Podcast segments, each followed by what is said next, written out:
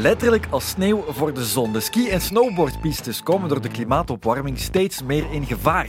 Cijfertje om over na te denken. Over een kleine 60 jaar zullen 21 van de 22 vorige gaststeden van de winterspelen te droog en te warm zijn om die spelen nog eens te organiseren. Daarom ondernemen de winteratleten zelf actie. Hallo, welkom bij een nieuwe Sportsat Daily. Het is eind november. Misschien trek je binnenkort in de kerstvakantie over een kleine maand op skitrip naar Oostenrijk of Zwitserland of zo. En waarschijnlijk neem je dan de auto of het vliegtuig. En misschien heb je, als je al lang gaat, ook gemerkt dat er wat minder sneeuw ligt. Dat sommige gletsjers er wat anders uitzien dan vroeger. Ik heb echt al door in de jaren alle gletsjers rondom de wereld gewoon letterlijk zien smelten. En uh, dat, die, dat die er echt in een slechte staat zijn. Ik heb nu onlangs ook op gletsjers gezeten en het is echt wel schrijnend hoe dat die er momenteel uitzien. Dus dat heeft me wel echt doen beseffen van ik wil mijn steentje ook bijdragen, ik wil mijn ecologische voetafdruk verkleinen. Steppe Smits, onze beste snowboarder, in elk geval wel. 32 is hij ondertussen en dus draait hij al een hele tijd mee in het circuit. Hij vertelde er gisteren over bij Radio 2. Dat vonden wij interessant en daar willen wij veel meer over weten. Ook onder meer van skier Sam Maas. Dat is natuurlijk het volgende probleem dat we momenteel hebben. Is de winter komt altijd later, dus sneeuw valt altijd later en later. Toch blijven onze wedstrijden heel vroeg georganiseerd. En van klimaatexpert Pieter Boesemare. Bijvoorbeeld de laatste twee jaar alleen al is er in de Zwitserse Alpen 10% van het ijs verdwenen. In twee jaar tijd 10%, dat is gigantisch. Als je dat gewoon mathematisch zou doorrekenen, dan is in alle gletsjers in de Alpen is alle sneeuw weg binnen 20 jaar. 360 out. Can he stick the last one? Seppe Smits ken je vast wel. Huge outside 10. Oh! All right. Really putting the bar up high. No doubt. Seppe Smits absolutely ruling that run. De snowboarder uit Wilrijk werd tweemaal wereldkampioen in de slopestyle. De laatste keer in 2017 in Sierra Nevada. Zijn debuut in de wereldbeker maakte hij in 2007, 16 jaar geleden. En in die periode heeft hij de landschappen fel zien veranderen.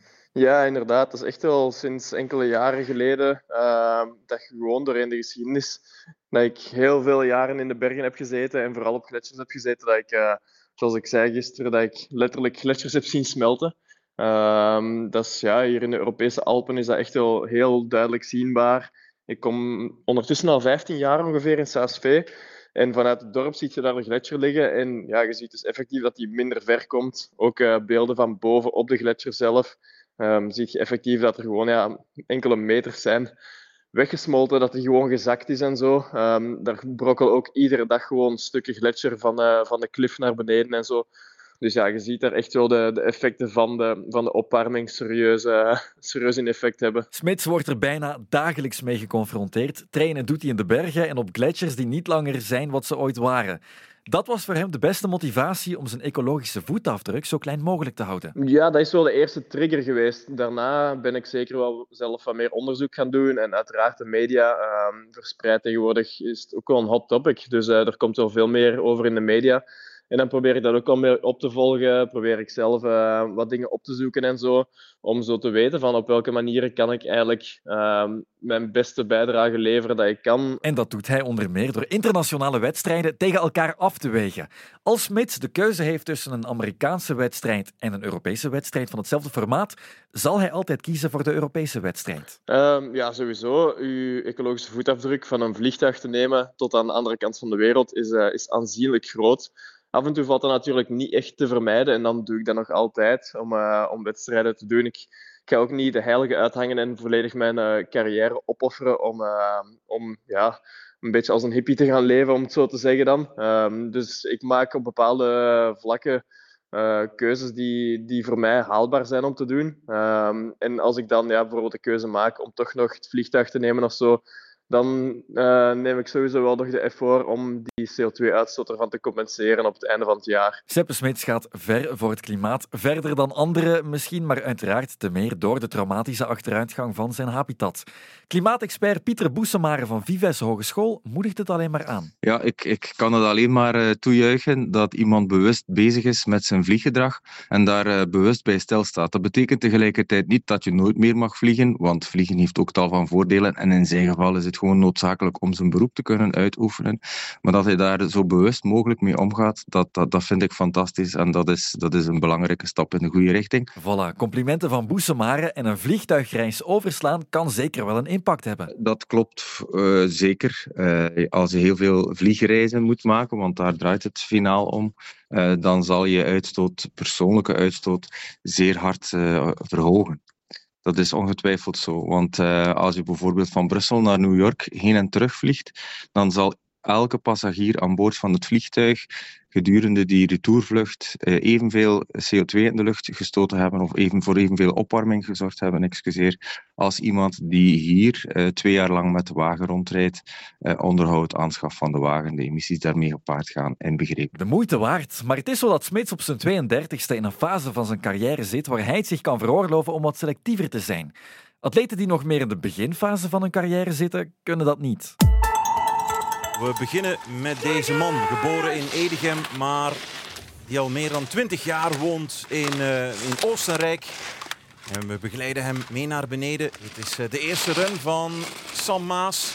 Goedendag, Sam Maas hier. Uh, ik ben alpijn skier, doe mee op de Wereldbeker, woon momenteel in Oostenrijk, maar ben in België geboren. En ik doel op ooit eens een topwereldbekerskier te worden. En daarvoor moet Sam Maas op zijn 25ste dus zoveel mogelijk wedstrijden meedoen. Ik let er iets minder op, moet ik zeggen, omdat denk ik ons programma voor mij het super belangrijk is om echt alle wereldbekerwedstrijden mee te doen.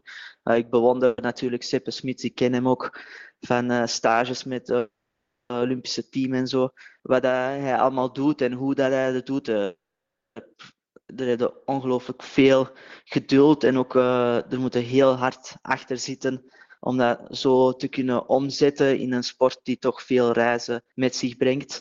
Uh, bij mij is dat denk ik iets minder, dat ik zeg, omdat ik gewoon ons programma is zo dicht bevuld uh, dat het niet zo gemakkelijk is om echt bijvoorbeeld elektrische auto's te rijden.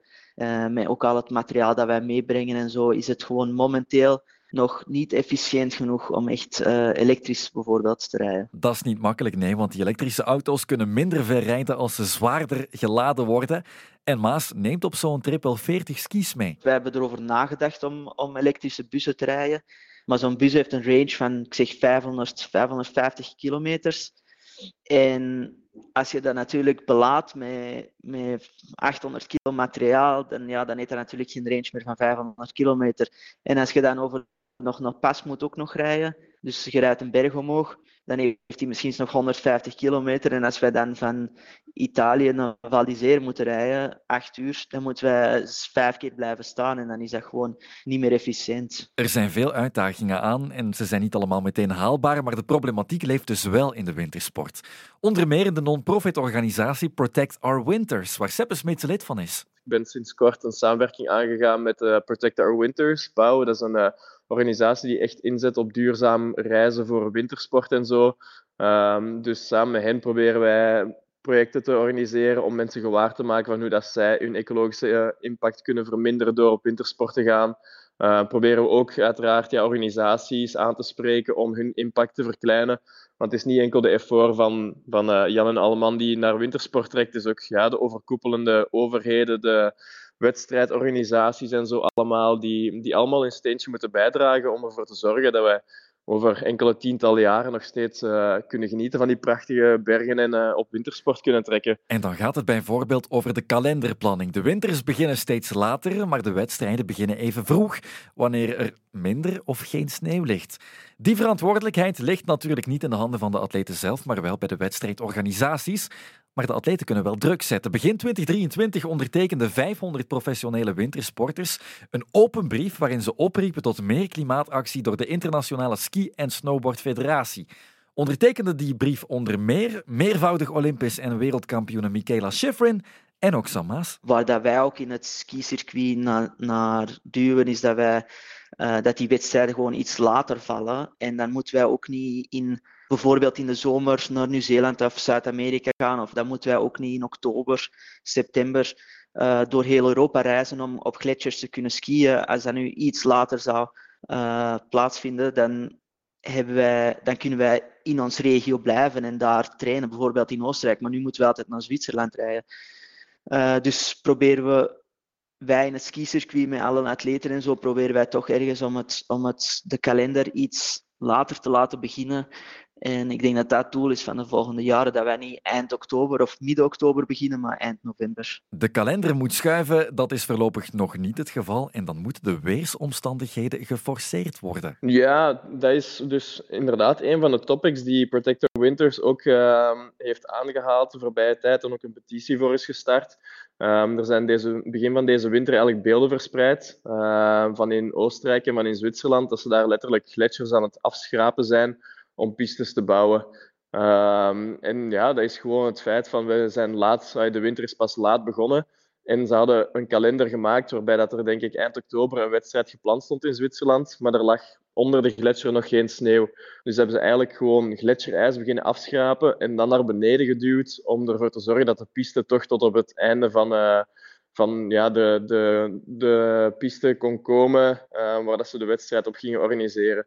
Dus ja, dat is, dat is natuurlijk, ja, als je die, die beelden ziet, dat ze met graafmachines gletsjers aan het uitgraven zijn en die sneeuw aan het verplaatsen zijn naar lagere gebieden, ja, dan weet je wel natuurlijk dat dat een zwaar effect gaat hebben op uh, de levensduur van die gletsjer. En ja, ze, ze doen dat eigenlijk omdat, omdat die wedstrijd gepland staat rond die periode en dat de seizoenen niet meezitten. Dus eigenlijk gaan ze dan proberen de seizoenen te gaan veranderen. Maar ja, we kunnen beter eigenlijk de kalender veranderen in plaats van de seizoenen. Want ja, om de aarde volledig te gaan besturen, dat gaat ons niet lukken. Dat gaat inderdaad niet lukken. De gletsjers worden extra aangetast, terwijl de klimaatopwarming ze al fel doet krimpen, weet Sam Maas. Uh, we hebben over de laatste jaren gezien, uh, bijvoorbeeld waar dat de eerste wereldbeker uh, is in het zuiden. Toen dat ik ben beginnen skiën, was de gletsjer tot in de finish. Ondertussen is de gletsjer nog maar aan de start. Dus wij beginnen eigenlijk op, op ijs. Vroeger skieden wij heel de weg naar beneden op ijs en nu is dat zeker. Dat zijn, zijn 300 meter ijs die wij over de laatste vier jaar zo hebben zien teruggaan. En klimaatexpert Pieter Boesemaar snapt goed waarom de wintersporters zich stevig zorgen maken. Ja, en ik kan dat eigenlijk echt wel goed begrijpen, want uh, als je heel veel in de bergen zit en... Uh in die gletsjers of rond die gletsjers hangt of op die gletsjers zit, uh, dan zal je het wel zien. Want dat, dat, als er nu één iets is aan die klimaatopwarming dat heel duidelijk is, dan is het wel het smeltend ijs. Uh, zeker, op, zeker wat gletsjers betreft. Bijvoorbeeld de laatste twee jaar alleen al zijn er in de is er in de Zwitserse Alpen 10% van het ijs verdwenen, van het eeuwige ijs verdwenen in twee jaar tijd 10% Dat is gigantisch. Als je dat gewoon mathematisch zou doorrekenen, dan is, zijn alle gletsjers in de Alpen, is alle sneeuw weg binnen 20 jaar. Dat zal zo natuurlijk niet exact, dat zal zo niet zijn. Ik kan dat niet exact zo doorrekenen. Maar het toont wel aan dat het heel snel gaat de laatste tijd. En dat we tegen 2050 toch wel een uh, chronisch gebrek aan sneeuw zullen hebben uh, in de Alpen. En dan letten we toch maar beter op. Door de kalender aan te passen in verschillende wintersporten. En ook door de persoonlijke ecologische voetafdruk te verminderen. Maar je hoorde het van Sam Maas. Wie wil slagen in zijn sport, heeft niet altijd te kiezen. Tot morgen voor een nieuwe Sportsa Daily.